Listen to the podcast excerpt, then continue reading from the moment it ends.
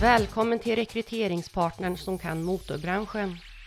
Sedan starten 2011 har Navet Rekrytering hjälpt stora och små företag i motorbranschen med kompetensförsörjning. Med huvudkontor i Stockholm och lokalkontor i Malmö kan Navet erbjuda kvalitativa lösningar för hela södra Sverige. Vi förstår er verksamhet, vilka specifika krav verksamheten ställer och hur man levererar personal på ett snabbt sätt med kvalitet. Så oavsett om ni behöver personal för att hantera en temporär situation eller om ni vill ha hjälp med en ren rekrytering så har Navet riktigt bra lösningar för er verksamhet. Navet kan branschen och vi lämnar garantier. Vill du veta mer? Kontakta oss så berättar vi mer. Navet.se eller 070 838 0370.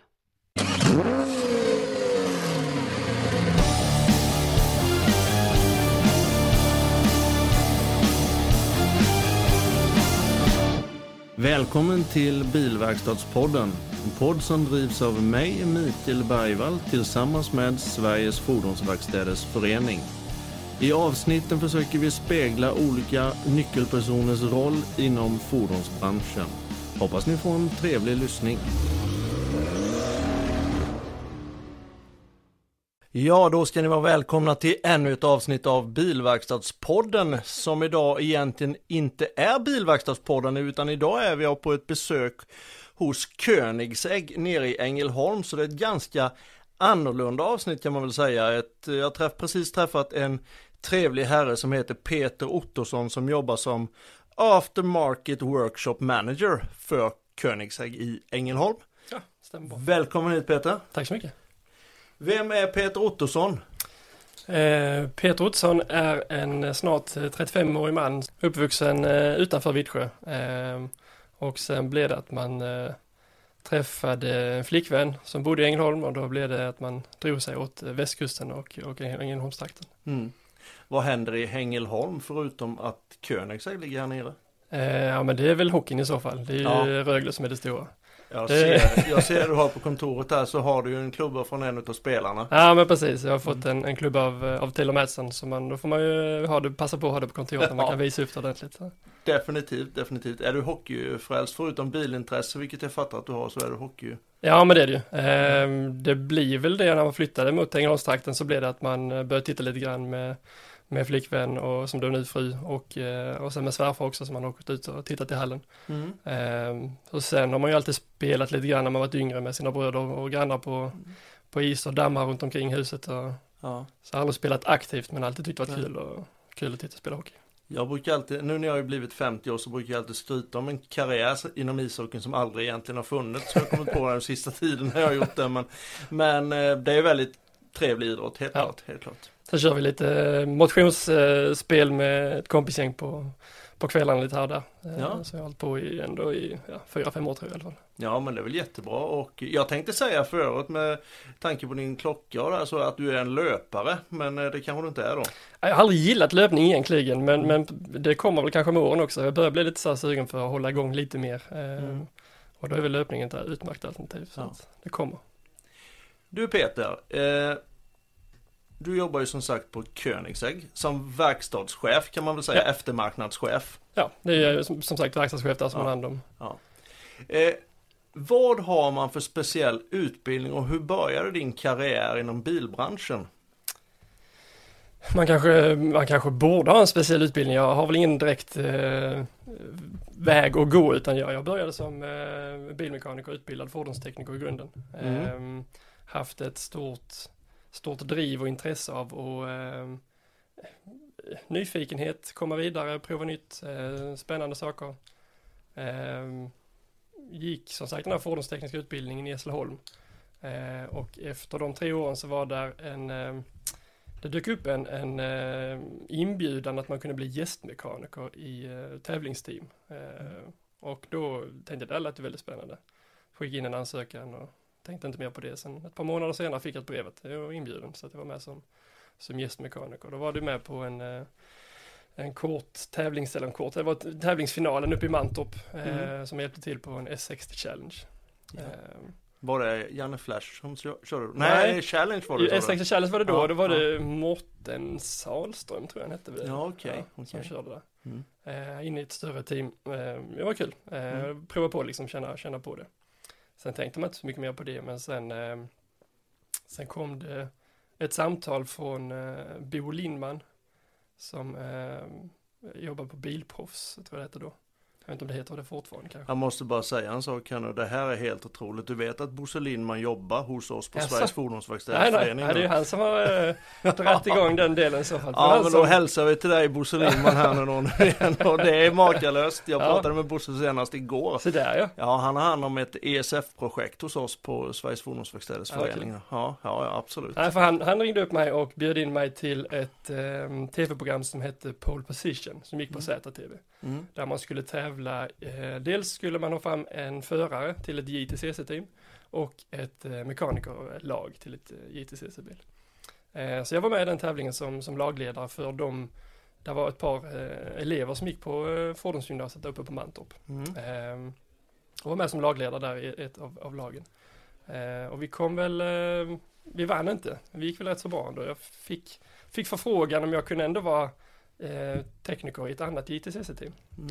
Så jag fick eh, delta under en hel säsong eh, med Micke Jansson från Uppsala.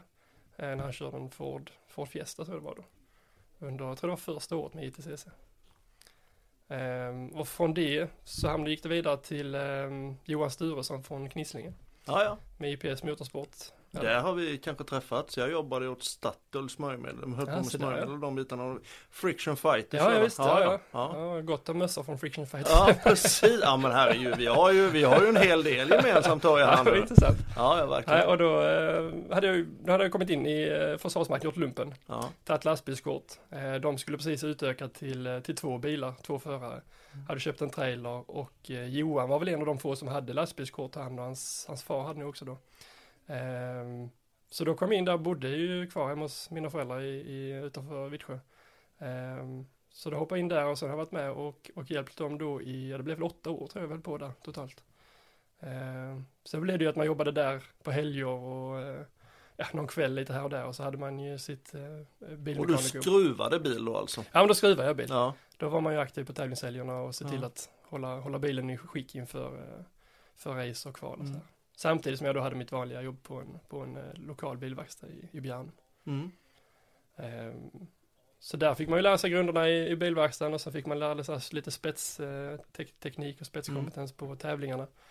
Vad är det för skillnad förutom hastigheten när du skruvar på en STCC-tävling förutom då mot, på att skruva mot en vanlig bilverkstad? Alltså spetskompetensen säger du, jag förstår att man måste vara lite extra kunnig inom vissa områden självklart, men var i besitter liksom eh, den där lilla extra jag tror det att du lär känna din bilmodell i tävlingen så pass väl så att du Mm. hör eller kan, kan liksom förstå att bilen börjar bete sig på det här sättet. Att då börjar man förstå, man börjar misstänka vad det skulle kunna vara. Så Mm. att man, man får en helt annan relation till, till en bil på det viset. Mm. Eh, sen är det fortfarande där, man, man får ändå byta delar och komponenter och så vidare. Eh, man blir snabbare på det, för man, man, har, man har gjort det så många gånger. Eh, går det bra, vilket, vilket, eh, vilket man önskar, så behöver man inte skruva så mycket på de bilarna. De, de ska rulla, det är justeringar om det blir regn eller om det blir ja, eh, olika väderlekar så ska man... Men på Johan Sturessons bil fick ni skruva en hel del va? Ibland blir det ju det. Jag, jag blir alltid lika imponerad när ni ställer hjulvinklar och sånt där på de bilarna. Det är rätt eh, spännande att se. Ja, sen tyckte jag det var väldigt kul att, att hamna i ett, ett, ett, ett familjeteam. Ja, Eh, väldigt gemytligt, eh, väldigt härlig stämning. Man, man, eh, man märkte liksom alla känner, alla det känner var alltid väldigt trevlig catering Precis, vet precis. jag och sånt där på, på, på deras. Det var ju som Johans mamma och med Mm. vänner som, som tog hand om alltihopa med Ja. gäster och den biten. Ehm, Är Johan inom en litet situationstecken, är Johan eh, tillbaka nu inom en parentes ska jag säga? Johan tillbaka på måleriet nu eller hur? ja, det är han. Han har väl varit där hela tiden tror jag liksom, så att han Mm. har haft hand om det. Eh, och sen började väl, eh, när han slutade köra så var det väl hans söner som började köra lite gokart också som kommit upp sig lite grann och får fart på det. Så att Mm, eh, då mm. kommer väl teamet igång igen där så får vi se vad, som, vad det kan leda till. Men de ligger i I Knislinge. Knislinge ja, Ja, för precis. jag vet vi har en medlemsverkstad där, First Stop, däcks. eh, Ja just det, den ligger Ja, väl precis bredvid va? Ja, precis, precis. Jo då, som sagt, vi har en medlem där, Joakim Antoniusson, som har sin First Stop-verkstad där precis bredvid. Men du, om vi då går in på vad som hände efter tävlingssäsongen med Johan Sturesson. Mm. Eller har det gått hand i hand hela Ja, det tiden? har ju gått hand i hand. Som sagt, jag hade min, min vanliga eh, bilverkstadsjobb i Bjärnum på, på eh, Åke Karlssons bilverkstad som det Mm. hette. Eller heter fortfarande, finns ju kvar. Mm. Ehm, och ehm, sen var det det man hade ju flickvän i Ängelholm och eh, funderade väl kanske om man skulle dra sig utåt eh, västkusten. Och då dök det upp en, eh, en annons att Koenigsegg sökte, sökte jobb. Mm. Eh, och det var ju runt 2006-2007 någonting. Okej. Så jag tänkte det kan man väl prova. Eh, och då jobbade ju, Vad sökte de för, för de tjänst? sökte lite allt möjligt. Eh, jag tror det var produktionspersonal som det var in, inriktat på. Att de behövde liksom få fart och utöka liksom Mm. produktionen och få upp. Eh, Vi kan väl säga det då, jag får inte besöka produktionen. Utan vi sitter just nu på eftermarknadskontoret här Precis, nu, precis. och den verkstaden Ja. jag har här. Ehm, så alltså det var ju produktionsbiten där och ehm, jag var där på intervju och, ehm, och eh, fick en tjänst som eh, förmonterings, eh, ja, vad ska man säga, prep-kille. Man kunde förinstallera, kille, förinstallera paneler, förinstallera delar, förbygga. Så lite förmontage och sen kunde man då använda det på de olika stationerna och bygga in i bilen. Så Mm. det är ju det vi kallar idag på produktionen som kallas prep. Att, att det är där man förbygger eh, paneler och delar som sen byggs in i produktionen så att säga. Mm. Så jag, jag kan väl nästan i så fall säga att jag var den första i första personen där som började den avdelningen. Okej, ja. Eh, och sen, sen gick det väl rätt så snabbt att man insåg att eh, en god vän och kollega som, som jobbade på station 7 då, som var den sista stationen, som, som eh, hette Sonny, eh, att han behövde mer och mer hjälp. Och vi fann väl varandra väldigt bra där och tyckte det liksom funkar bra att jobba tillsammans. Eh, så det blev att jag hamnade rätt så kort tid efter eh, på station 7 istället och hjälpte honom med att göra slutkontrollen. Och det är det vi kallar idag PDT, alltså Pre-Delivery eh, Testing. Så att, Mm. eh, hade vi, eh, vi hade hand om eh, bilarna från att de, de är kompletta. Så vi gjorde hjulinställningen, kollade så att allting fungerade, alla lampor. Och, så Var att, ni bara två stycken på den två stycken var vi på den. Vi hade, hade ungefär två till tre personer per, per plats, per, per station eh, på produktionen så att säga. Okej, okej. Hur många var ni totalt då när du började 2006? Eller? Skulle tro att det var någonstans runt en ja, 30-40 pers Ja. någonting. Både på kontor och i produktionen. Och nu är, ni, nu är det alltså 2021 och ni är tio gånger så stora nu. Ja. Helt Eh, makalöst. Det växer och, och det har ju gjort ett ryck på sista tiden. Och, Ja, du sa det, ni nästan eh, På vår avdelning på aftermarket har vi ju fördubblat i princip på, på, på ett år nu. Ja, Ja, vilken tillväxt. och sen även eh, fabriken har ju växt enormt och, och eh, Ja. nu ska det byggas en ny fabrik till, till gemeran som ska byggas. Ja, Och man söker ju nästan ja, 100 personer till fabriken och ytterligare 100 personer i ingenjörsstyrka till att fortsätta Alltså, utvecklas. vilken tillgång för Ängelholm och vilken inflytt Ängelholm måste ha för ni söker ju spetskompetenser förstår jag när man ser. Ja, Ja, jag tror vi har personer, eh, alltså olika länder representerade från, jag tror det är 35 eller 37 olika länder i företaget. ja. Eh, så att det, det lockar ju. Eh, Men har ni någon från Ankarsrum här på företaget? Eller behöver ni en poddare från Ankarsrum? Behöver en poddare från Ankarsrum? Vem behöver inte en poddare från Ankarsrum? Ja, det, det, det är en sån där, det är väldigt exklusiv roll faktiskt inom ett företag. Nej. Nej men om vi, om vi tar lite, vi, vi kan börja lite historien med, med Koenigsegg. Hur, hur, eh, du kan väl berätta lite, Christian från Koenigsegg känner du förmodar och Hallora och eh, även eh, familjen. Ja, Eh, hur började alltihopa? Vad var tanken med allting? Ja men som, som historien som eh, jag berättade, det är ju liksom när Christian var liten, han, fick ju frågan många gånger eh, hur, hur kom du på idén att du skulle bygga en, en supersportbil eller en sportbil? Eh, och då är den här eh, filmen, eh, stop motion filmen Flåklypa Grand Prix som han har sett, så han har kommit tillbaka till när han har varit fem år ungefär. Eh, han har varit och tittat på, oss, eh, på den med sin far. Eh, och då insåg, det, den här filmen handlar ju om, om en eh, cykelmakare uppe i bergen. Jag tror det är från Norge den här filmen kommer från. Eh, och den, eh, han får en idé att han ska bygga en, en bil och ställa upp i Le Mans. Och, eh, han tävlar mot de stora jättarna och han är en liten cykelreparatör. Han bygger ihop någonting och, och lyckas liksom till sist eh, göra eh, sin dröm, få drömmen uppfyllelse liksom. Att han bygger en bil. Eh, och det var lite det som jag förstod att det är det Christian, jag ska, jag ska bygga en bil. Så det har, tanken har funnits Mm. länge. Så den första bilen byggdes i början på 2000-talet? Eh, jag är faktiskt lite osäker på exakt Mm. när. Eh, företaget startade 94, sen tror jag man presenterade de första modellerna om det var 96 eller Mm. 97 däromkring. Mm. Eh, så just leveranser och sånt, det årtal är jag lite osäker på. Ja. Ja, det är en fantastisk tanke och en fantastisk, och nu när jag har varit ute och tittat lite i eftermarknadsverkstaden här, det är ju helt Ja, det är som en liten dröm, en saga så kan man väl säga. Ja, man blir lite bortskämd när man går och tittar, man, man eh, glömmer lätt bort vad det är man, eh, Mm. man håller på med ibland. Ja. Alltså man får nypa sig armen och titta och så ser man, Ja. just det, det är det här vi gör. Jag förstår att du inte kan prata så mycket om produktionen och vad ni gör där och sånt där, Mm. det är självklart. Men, men eh, din roll här nu då som, som eh, i, den, i den rollen du sitter nu, Mm. vad, vad, vad är egentligen din huvudsakliga arbetsuppgift?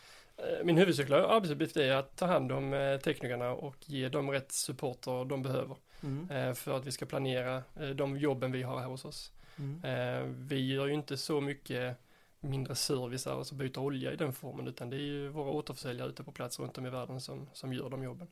Mm. Vi kan väl säga att vi har en, en, en skadeverkstad om det är någonting som skulle ske med bilarna eller om det är någonting eh, allvarligt som behöver åtgärdas ibland. Mm. Eh, ibland kan det ha att göra med spetskompetens, att, att det, det är svårt att dela med sig av exakt all kunskap vi sitter. Eh, vårt återförsäljarnätverk har ju växt enormt sista, sista åren. Mm. Eh, och då ska vi ju biffa upp vår avdelning så att vi har, eh, får igång utbildningar på alla tekniker runt om i världen. Mm. Eh, som sagt, men det tar ju lite tid.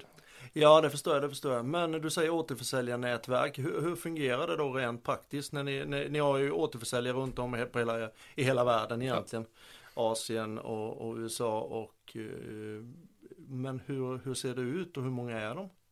Eh, som det nu så är det väl 38 återförsäljare runt om i världen. Mm. Eh, och det blir ju att man, man har ju dels med sales och marketing som har kontakt med eh, återförsäljare runt om eh, i olika De områden. sitter här hos dig? Ja, sales och marketing har vi egen uppe på Mm. huvudkontoret Ja, tillsammans ja. Eh, men vi har ett gemensamt intresse av att hitta eh, rätt verkstad på rätt plats för dels kunna få in fler nya kunder. Mm. Eh, så att vi ser liksom vilket nätverk de har. Mm. Eh, vi ska också se liksom vilken typ av verkstad är det de besitter, har de möjlighet eh, ta hand om våra bilar där. Eh, sen blir det också att de, de väljer ett commitment mot oss att, att vi vill vara med och vi vill sälja Koenigsegg och, och då blir det ju att man får investera i och köpa in verktyg och utrustning och plats så att man har Ja, det är specialverktyg för era Ja, bilar ja. såklart. Ja. det. Sen Vad kanske, kostar det om man vill bli en åter... Får du avslöja sånt vad det skulle kosta att bli en jag har inte återförsäljare? de exakta siffrorna men tittar man eh, generellt så är det inte det har inte varit några extrema summor. Nej. Och inga extrema, du, du, du, är säker, du är säker på att du inte har liksom gått och blivit lite blind där heller. Vi var precis ute och tittade på verkstaden här och det Ja. står fem sex bilar och eh, snittvärdet är 25 miljoner per Ja. bil. Jo, det är klart man blir lite, lite prisblind på det sättet kanske. Eh, men, men sen är det ju, tittar man på eh, andra bilmärken så kan man ju se som är större bilgrupp så är vad ska säga, Men större. vi, mm, men vi kan säga som så här att det krävs en större investering av att börja bli återförsäljare för Koenigsegg än vad det krävs att bli återförsäljare för Kia, så kan vi vara Ja, det överens. kan man säga. Ja. Och sen är det inte, det är inte alla som får. Vi, vi, vi väljer vilka platser vi behöver ha det på. Mm. Eh, Och hur selekterar ni det? Det är som sagt lite beroende på, eh, på vilken marknad som finns och vilka, vilket kontaktnät det finns i närheten och Mm. eh, har man mycket bil i det området sedan innan och så vidare. Så att eh, det, det är många olika variabler som är involverade. Men om vi tar, låt oss säga, vi kan ta Asien, sen är det någon återförsäljare i Asien som kontaktar er och vill börja sälja era bilar. Mm. Vad ställs det för krav på en sån verkstad och en sån återförsäljare? Får de sälja andra bilmärken till exempel? Ja, med tanke på att vi är så pass nischade så Mm. är det ju i princip alltid och det är ju det är ju det man försöker kanske hitta en synergieffekt att de har kanske andra bilmärken. som- Buga, eh, det, då är det standarden typ Bugatti standard på de bilarna? Ja men det, det ska ju vara där uppe i alla fall. Mm. man har, man har en sportbils, eh, Mm. det kan vara att man har Ferrari eller Porsche också, men Mm. att man har, man har eh, det nätverket och man har Mm. den eh, rutinen och kunskapen i sig. Eh, att vi ska komma in och begära att de har eh, en helt separat egen anläggning för, för oss. Det, jag tror inte vi riktigt är där än eh, i, Nej. nuläget. Nej det är klart, eh, fast å andra sidan så kanske det räcker att sälja två, tre bilar om året ifall man eh, säljer era bilar så. så. Ja, det, Ja, det vet jag inte. Just, det, just det finansiella, den biten, det är Nej, inte riktigt den, nej jag förstår. min bit. Eh, om vi tar så här då, vi har ju Exclusive Cars och, och de handlarna som Mm. finns i Sverige. Det har aldrig varit någon tanke på att använda er utav de handlarna och distribuera bilarna i Sverige. Ehm, vi har ju två återförsäljare i Sverige. Mm. Eh, och det är ju Kalisma i Stockholm och eh, Bent Bil i Halmstad. Ehm, som, som är våra kontaktpersoner liksom, Ja. som är utåt så fall. Men de har inga utställningsbilar på plats som man Eh, säger. inte i nuläget, nej. Nej, Eh, nej.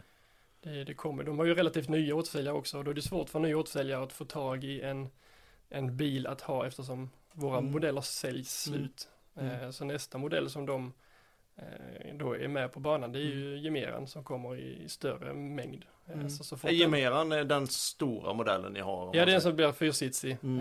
eh, och eh, kommer då byggas i, i ett, fler exemplar helt enkelt. Ja, Eh, så att när den väl börjar byggas så då kommer de ju ha en, en, kunna ha en bil på plats eh, hos sig absolut. också. absolut. Eh, om vi då tänker att en herre ifrån eh, något ställe på jorden är intresserad av att köpa. Hur, hur ser en köpare ut? Alltså en köpare som köper en Koenigsegg. Det är ju inte vem som helst som gör det. Utan är det personer som använder dag, de bilarna för vardagsbruk eller är det personer som ren, ja helt enkelt gör en investering i bilen? Hur, hur ser köparen ut? Det är nog väldigt blandat. Mm. Eh, Så att eh, där finns ju både de som ser det som en, en investering, att man, man inser att det här kan man, eh, om man har bilen under väl förvaring så kan man ju säkert få ut en, en, eh, en vinst på det i framtiden. Ehm, de flesta skulle jag väl säga är mer intresserade av tekniken, entreprenörskapet som, som Christian står för, att eh, lite spetsteknik, eh, man, man pushar gränserna hela tiden. Eh, Man har ju, vi har ju ett, ett vi har ju, vad ska man säga, en, en historik av att bryta gränser och slå nya världsrekord. Det är ju inte en enda bilmodell som vi har byggt som inte har tagit någon slags världsrekord. Ehm, och Och det är då, då är det som- världsrekord i hastighet. det är, vi har ju haft världsrekord i starkast eh, motor i produktionsmotor. Vi har till exempel där på väggen eh, på eh, CCR när den byggdes. mm. Det var den starkaste motorn som, som byggdes i en produktionsbil. Kan du berätta lite eh, siffrorna? Eh, det är en 4,7 liters eh, kompressormatad V8 eh, och den gav då 806 hästkrafter och 920 newtonmeter. Eh, vilket gav en toppfart på över 395 km i timmen. Det är- Och det är just världsrekord för, för hur Mm. motorstark bilen är. Vi har det här diplomet ifrån Guinness rekordbok här på, hängandes på väggen. Ja. Det är något du kan vara stolt över. Du var med och producerade den. Nej, inte CCR vid det tillfället. Jag jag kom in eh, då vi, när vi började bygga CCX runt Mm. 2007. Eh, men det är samma motor som man, man bygger vidare på. Sen Ja. var ju mo- motorn i CCX ytterligare lite starkare. Eh, men då har man ju andra biltillverkare också kommit upp och fått lite fart i sina motorer. Så att, eh, Mm. Eh, men man har alltid slått någon slags rekord med, eh, med alla bilar. Beroende det har varit toppfart, det har varit eh, acceleration och inbromsning och eh, då motorkraft. Så att, eh, precis. Helt makalöst. Och inbromsningen tycker jag är det som är mest imponerande för det Mm. handlar om Ja, jag kanske, såg, kanske en såg- tredjedel av tiden egentligen i inbromsning. Så att det är ju otroliga krafter Ja. i inbromsningen.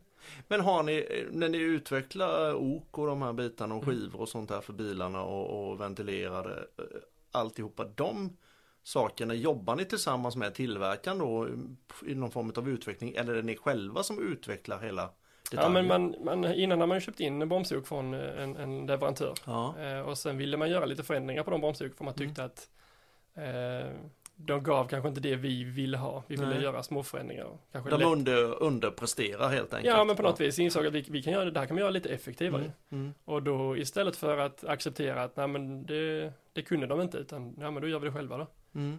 Och det är ju den inställningen som, som Christian har med sig att vill vi ha någonting bättre och man ser att ja men det här går att göra bättre. Mm. Ja då är det klart, då får vi göra det själva då. då det finns ingen begränsning av vad, vad vi ska göra i så Nej. fall utan kan vi göra det bättre så gör vi det själva. Han är en eh, otrolig visionär och eh, entreprenör. Absolut. Ja. Otroligt eh, kul att jobba med och liksom få, få väldigt mycket energi och eh, Mm. eh, nytänkande och Mm. Man får, ifrågasätta saker och ting att ja, men får man ett nej eller man får en, en, en, ett påstående från något håll, ja men varför är det så? Man börjar själv komma in i lite de tankarna ibland. Ja, ja men det är väl jättebra. Ja, och det växer ju, alltså det är ju inte bara jag, det är ju alla här liksom som har, Mm. ja men hur kan vi göra då? Hur kan vi lösa liksom? Då får vi Hur, någon- hur pass nära jobbar ni? Jag, jag hör, ni? Du pratar ju väldigt väl om ägarfamiljen. Hur pass nära jobbar ni i ägarfamiljen och hur pass nära är ägarfamiljen ver, ver, verksamheten nu? De är ju extremt nära, är, ju- de Ja. är ju liksom mitt i, skulle Mm. jag säga. Det, det, vi träffar ju dem eh, i princip varje, varje vecka. Mm. Eh, kanske till och med flera gånger om dagen. Eh, så att de är i allra högsta grad väldigt, väldigt involverade. Mm. Eh, det, och det är väldigt kul. Och det är Christian och Hallora Det är som Christian styr. Hallura som är med Ja, och, ja. och driver på. Christian har väl lite mer kanske då framtidstänk och, och, och driver den biten och som kommer med tankar och idéer och, och Ja. så vidare. Eh, Dor är ju CEO som är ansvarig för produktionen liksom och, och den, den verksamheten vi har som även ansvarar över vår avdelning här. Mm. Mm. Eh, så att det är väldigt motiverande och väldigt engagerande att man har man har det här drivet och Ja. engagemanget. Vi, vi hade en ro, rolig detalj som, som man ska tänka på. Eh, vi hade en återförsäljare som hade hade varit återförsäljare för Ferrari väldigt länge. Eh, och så eh, började jag förklara, liksom pratade med någon kund som fick nys om Koenigsegg och undrade vad, vad är det för ett företag? Och så, ja men sa han, du ska, du ska se det som så här att eh, tänk dig att du har ett sportbilsföretag och det är ungefär 25 år gammalt. Tänk dig då Ferrari, när det var 25 år gammalt, du har chansen att prata med Ferrari Enzo. Du har, du har möjlighet att prata med grundaren Mm. om bilen du köper. Mm. Eh, för den kunden hade ju då många Ferrari sedan tidigare. Så han, han tänkte tillbaka, ja just, oj, ja, tänk om jag hade kunnat prata med Ferrari Enzo om bilen han själv har köpt. Om varför, varför, varför ritar han den så, varför designar han den så. Det är det tänket man kan ha på, Mm. på Koenigsegg, att man, Men Man är, är. Christian och Hallora, de är väldigt nära era kunder också? ja, oh ja, Ja. Det, det är ju familj. Alltså, Mm. de har ju kontakt med, med kunderna ofta och vi bjuder in på eh, på eh, körevent. Eh, Mm. Vi vill ju samla alla kunder så vi, vi, ser ju det som en Koenigsegg-familj, alla som jobbar på företaget. Och, och, Och era så. kunder då? Ja, ja. Eh, har ni, ni ligger ju här nu ute på ett ställe i Ängelholm, har ni möjligheter, har ni testbanor och sånt här också Mm. ni kör? Vi har en del eh, av, av, eh, av gamla flygrakan kan man säga. Som, Ja. Så det låg ett kryss här inne ute på, på F10. Eh, och då har vi den ena delen som inte används till, till kommersiell eh, flygtrafik. Mm. Så har vi den andra biten kvar som Mm. vi kan använda. Mm. När det gäller eh, själva verksamheten här eh, det är ju ingen vanlig bilverkstad så kan man ju definitivt inte säga. För det första så är det ju otroligt eh, pedantiskt kanske är fel ord, men otroligt välskött verkstad ni har där ute Mm. och mekanikerna måste ju besitta eh, ganska höga toppkvaliteter för att skruva med de här bilarna, det förstår jag ju sånt här. Men, Mm. men hur, pass, hur ser rutinerna ut? Har ni verkstadsmöte varje morgon och går igenom liksom dagen eller är det att man ansvarar som typ personliga servicetekniker att den som skruvar bilen har direktkontakt med kunden eller är det avdelningen här som sköter det? Vi har ju eh, daglig avstängning i verkstaden. Mm. Eh, där vi försöker liksom lägga upp en plan för dagen. Men de har ju, vi har ju istället att man har en, eh, en ansvarig tekniker per bil kan man säga.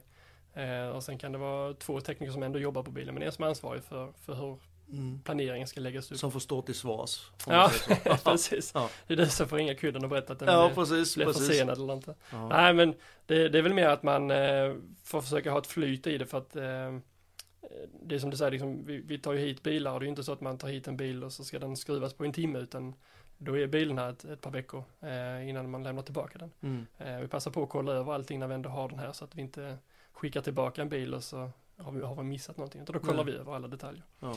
Eh, och då har vi en, en tekniker som är ansvarig för den biten och eh, tillsammans med koordinatorerna som har hand om eh, den kontakten med våra återförsäljare. Eh, I vissa fall är det till och med då direktkontakt med kunderna.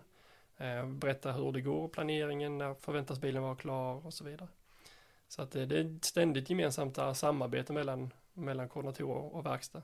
Mm. Eh, När ni söker folk till er verkstad och eh, på eftermarknadsbiten och, Mm. och att skruva så verkstadsmässigt med bilen när Mm. den är hit för reparation. Och vi ska ju förtydliga med att säga att oavsett var i världen än bilen befinner sig blir den skadad så flygs den hit till Ängelholm Precis. och ni reparerar den här. Det är ingen annan som sköter det utan det är ni som gör det. Men, men eh, när ni söker den här mekanikern eh, det måste ju vara ett väldigt eftertraktat mekanikerjobb och skruva Koenigsegg. Lägger vi ut en annons så brukar vi få eh, rätt många ansökningar, ja. Mm. Eh, vi söker folk nu också så att Mm. det är ett utmärkt tillfälle i så fall om det är någon som är intresserad. Ja, absolut, att höra av absolut. sig. Vi har ju Eh, en tidning som heter Fordonsproffs, ni får gärna gå in med Ja, annonsering det. där Ja. och, och lägga ut det. Nej men det, det förstår jag, det, men alltså det måste vara en Ni måste betyda väldigt mycket för Ängelholm kommun, ni har 300-400 anställda här nere i Mm. Ängelholm. Och tillväxt, och det tar ju folk från hela landet Mm. förmodar jag. Ja men det gör man ju. Så här, ju folk som har flyttat långväga. Vi har ju relativt nyligen anställt en person som är från Nya Zeeland. Mm. Eh, jag hade tidigare i veckan en intervju med en, eh, en tekniker från Sydafrika som är intresserad av att flytta hit. Mm. Eh, så att det är klart det sprider sig och det, det, det blir en impact att man har satt Ängelholm på kartan. Eh, vi har ju besök från eh, alla, alla världens alla hörn liksom som kommer hit. Eh, Mm. För vår del är det ju alldeles utmärkt att ha en flygplats i närheten Mm. eh, och även ha en flygplats i, eh, i som Kastrup i närheten, relativt nära i alla fall. Ja, men om vi då återgår till dig då Peter Ottosson. Ditt intresse då, jag förmodar att ditt, eller jag vet ju redan nu att ditt intresse för bilar är väldigt stort. Hur har ditt bilintresse förändrats sen att du blev så här pass aktiv inom Koenigsegg? Vad ska man, har blivit väldigt mycket mer detaljfokuserad och tittar Mm. på eh, mindre saker och hur, hur, hur det byggt och hur har man tänkt när man designar den saken. Eh, man kan eh, sitta och titta på en vanlig bil till exempel kan man ju bara se där finns ju jättemånga saker som är gjorda bara för att man måste homologera bilen på ett visst sätt. Eh, blinker som måste blinka med ett visst antal blink, måste vara rätt färg. Eh, många mer sådana detaljer som man kommer in bakom hos en tillverkare än att man ser hos en vanlig bilverkstad. Mm. Eh, lite sådana detaljer som jag tycker är mer intressant att se. Så när du sitter eh, fast i ett, bakom en bil vid ett, ett, en trafiklykta och det är stopp där, så sitter du och räknar 60 sekunder. ja men precis, hur många blink det blir. Nej, inte riktigt så. Nej, jag förstår vad du menar, detaljstyrning och de Ja. här bitarna såklart. Man kan även se liksom skillnaden på en, en, en, normal bil, att man bygger i, i moduler och sen Mm. monterar in och det kan återanvändas i flera. Mm. Medan vi då blir specialdesignat i, för varje bil. Mm. Eh, så att alla modeller är så unika. Så att, Eh, många gånger så är det ju så här att tillverkaren tillsammans med leverantören utvecklar vissa artiklar eller produkter på bilen. Exempelvis Volvo tillsammans med med eh, ja, vilken däckleverantör det nu är. Då tillverkar de ett speciellt däck som är voltklassat då för just den Volvo-bilen. Mm. Jobbar ni som leverantör också? Att, för jag, jag ser ju, jag såg ju dimensionerna på Mm. era däck ute på era bilar på, på det här märket ni har på bilen Mm. som, som, eh, ja i det här fallet är det Michelin då. Mm. Jobbar ni tillsammans med eh, tillverkaren av däcket för att utveckla pre- bästa prestandadäcket för bilen med? mm, ja men det gör man ju. Mm. Eh, man tar ju fram olika möjligheter att prova liksom. Och de blir märkta Koenigsegg. Ja, det det är ju som ett specialsamarbete med Michelin som man, Ja. man har. Även då man ska slå världsrekord i toppfart så Mm. passar man på att testa. Eh, Man spinner ju däcken eh, med däcksensorer och så i så man säkerställer att det verkligen fungerar.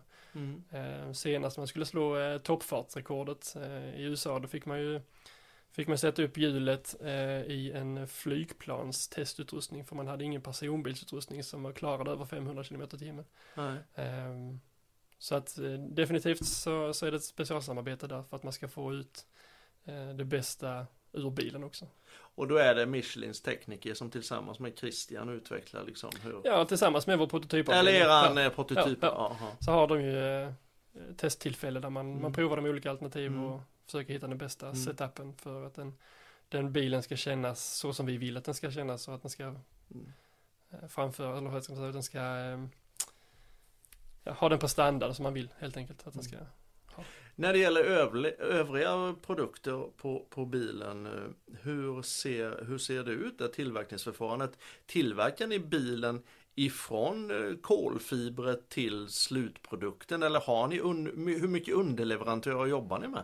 men vi har ju en hel del underleverantörer. Som Eh, är i Ängelholm eller Man så? försöker använda så lokalt som möjligt för, Mm. för att vi har ju inte den volymen som, som krävs för många. Nej. Eh, så vi försöker ju använda de lokala så mycket som möjligt eh, till att göra eh, designen som vi har ritat. Så vi har ju ingenjörer som ritar en detalj och sen skickar vi iväg den och så kan de tillverka den åt oss och så monterar vi tillbaka den in i bilen. Och det ställs ganska högt krav på lever- underleverantörerna förstår jag.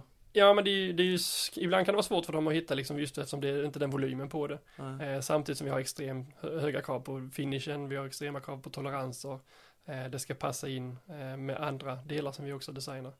Ehm, och det ska ha liksom en, en livslängd och en, en ja, det, det, vi ritar ju saker och ting som ska vara så lätta som möjligt. De ska gärna ha mer än en funktion när de ändå sitter där. Vi har inte, har inga delar i bilen bara för, för syns skull utan de, helst ska de ha mer än en funktion. Ja.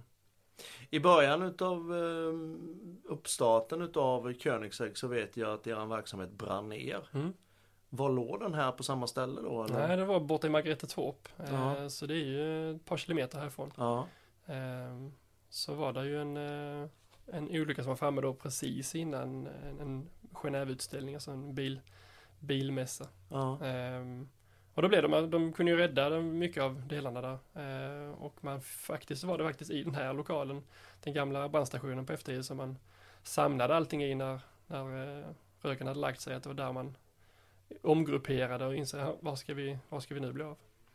Ehm, och det var väl lämpligt nog att, att det började bli tomt, eller var tomt till och med i lokalerna, i de här hangarerna bredvid oss. ja det Fabriken. känns nästan som att det var läge och att det, ja. Precis.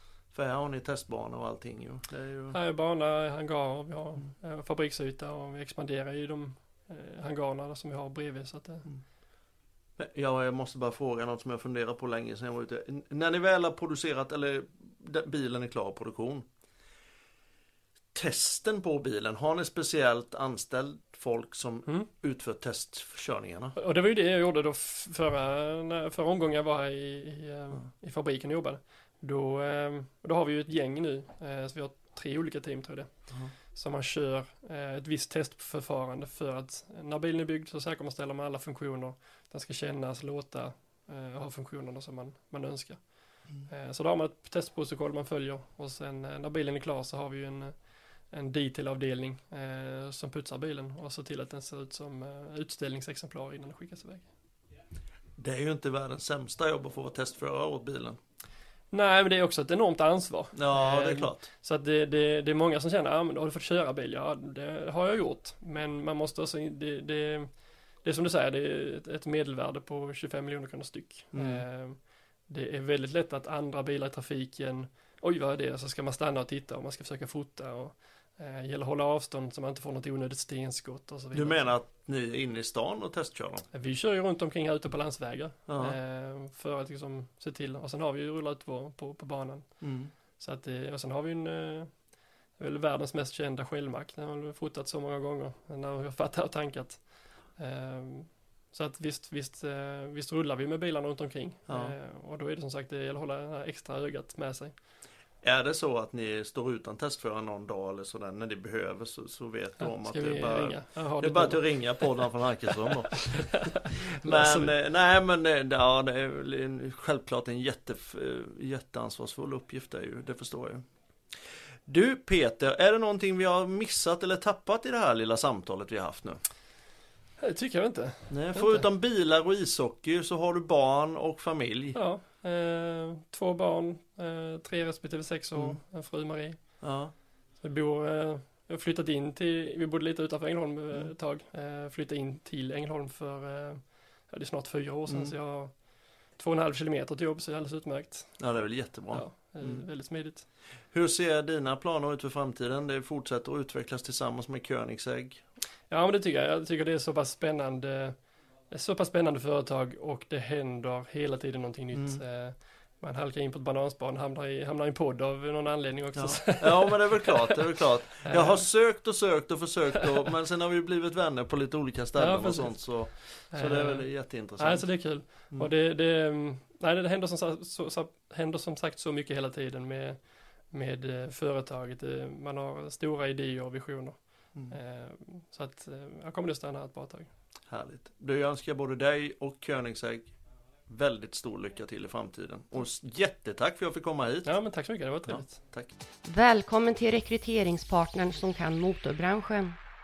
Sedan starten 2011 har Navet Rekrytering hjälpt stora och små företag i motorbranschen med kompetensförsörjning.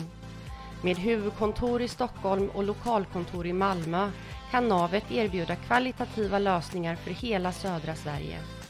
Vi förstår er verksamhet, vilka specifika krav verksamheten ställer och hur man levererar personal på ett snabbt sätt med kvalitet. Så oavsett om ni behöver personal för att hantera en temporär situation eller om ni vill ha hjälp med en ren rekrytering så har Navet riktigt bra lösningar för er verksamhet. Navet kan branschen och vi lämnar garantier. Vill du veta mer? Kontakta oss så berättar vi mer. Navet.se eller 070 838 0370.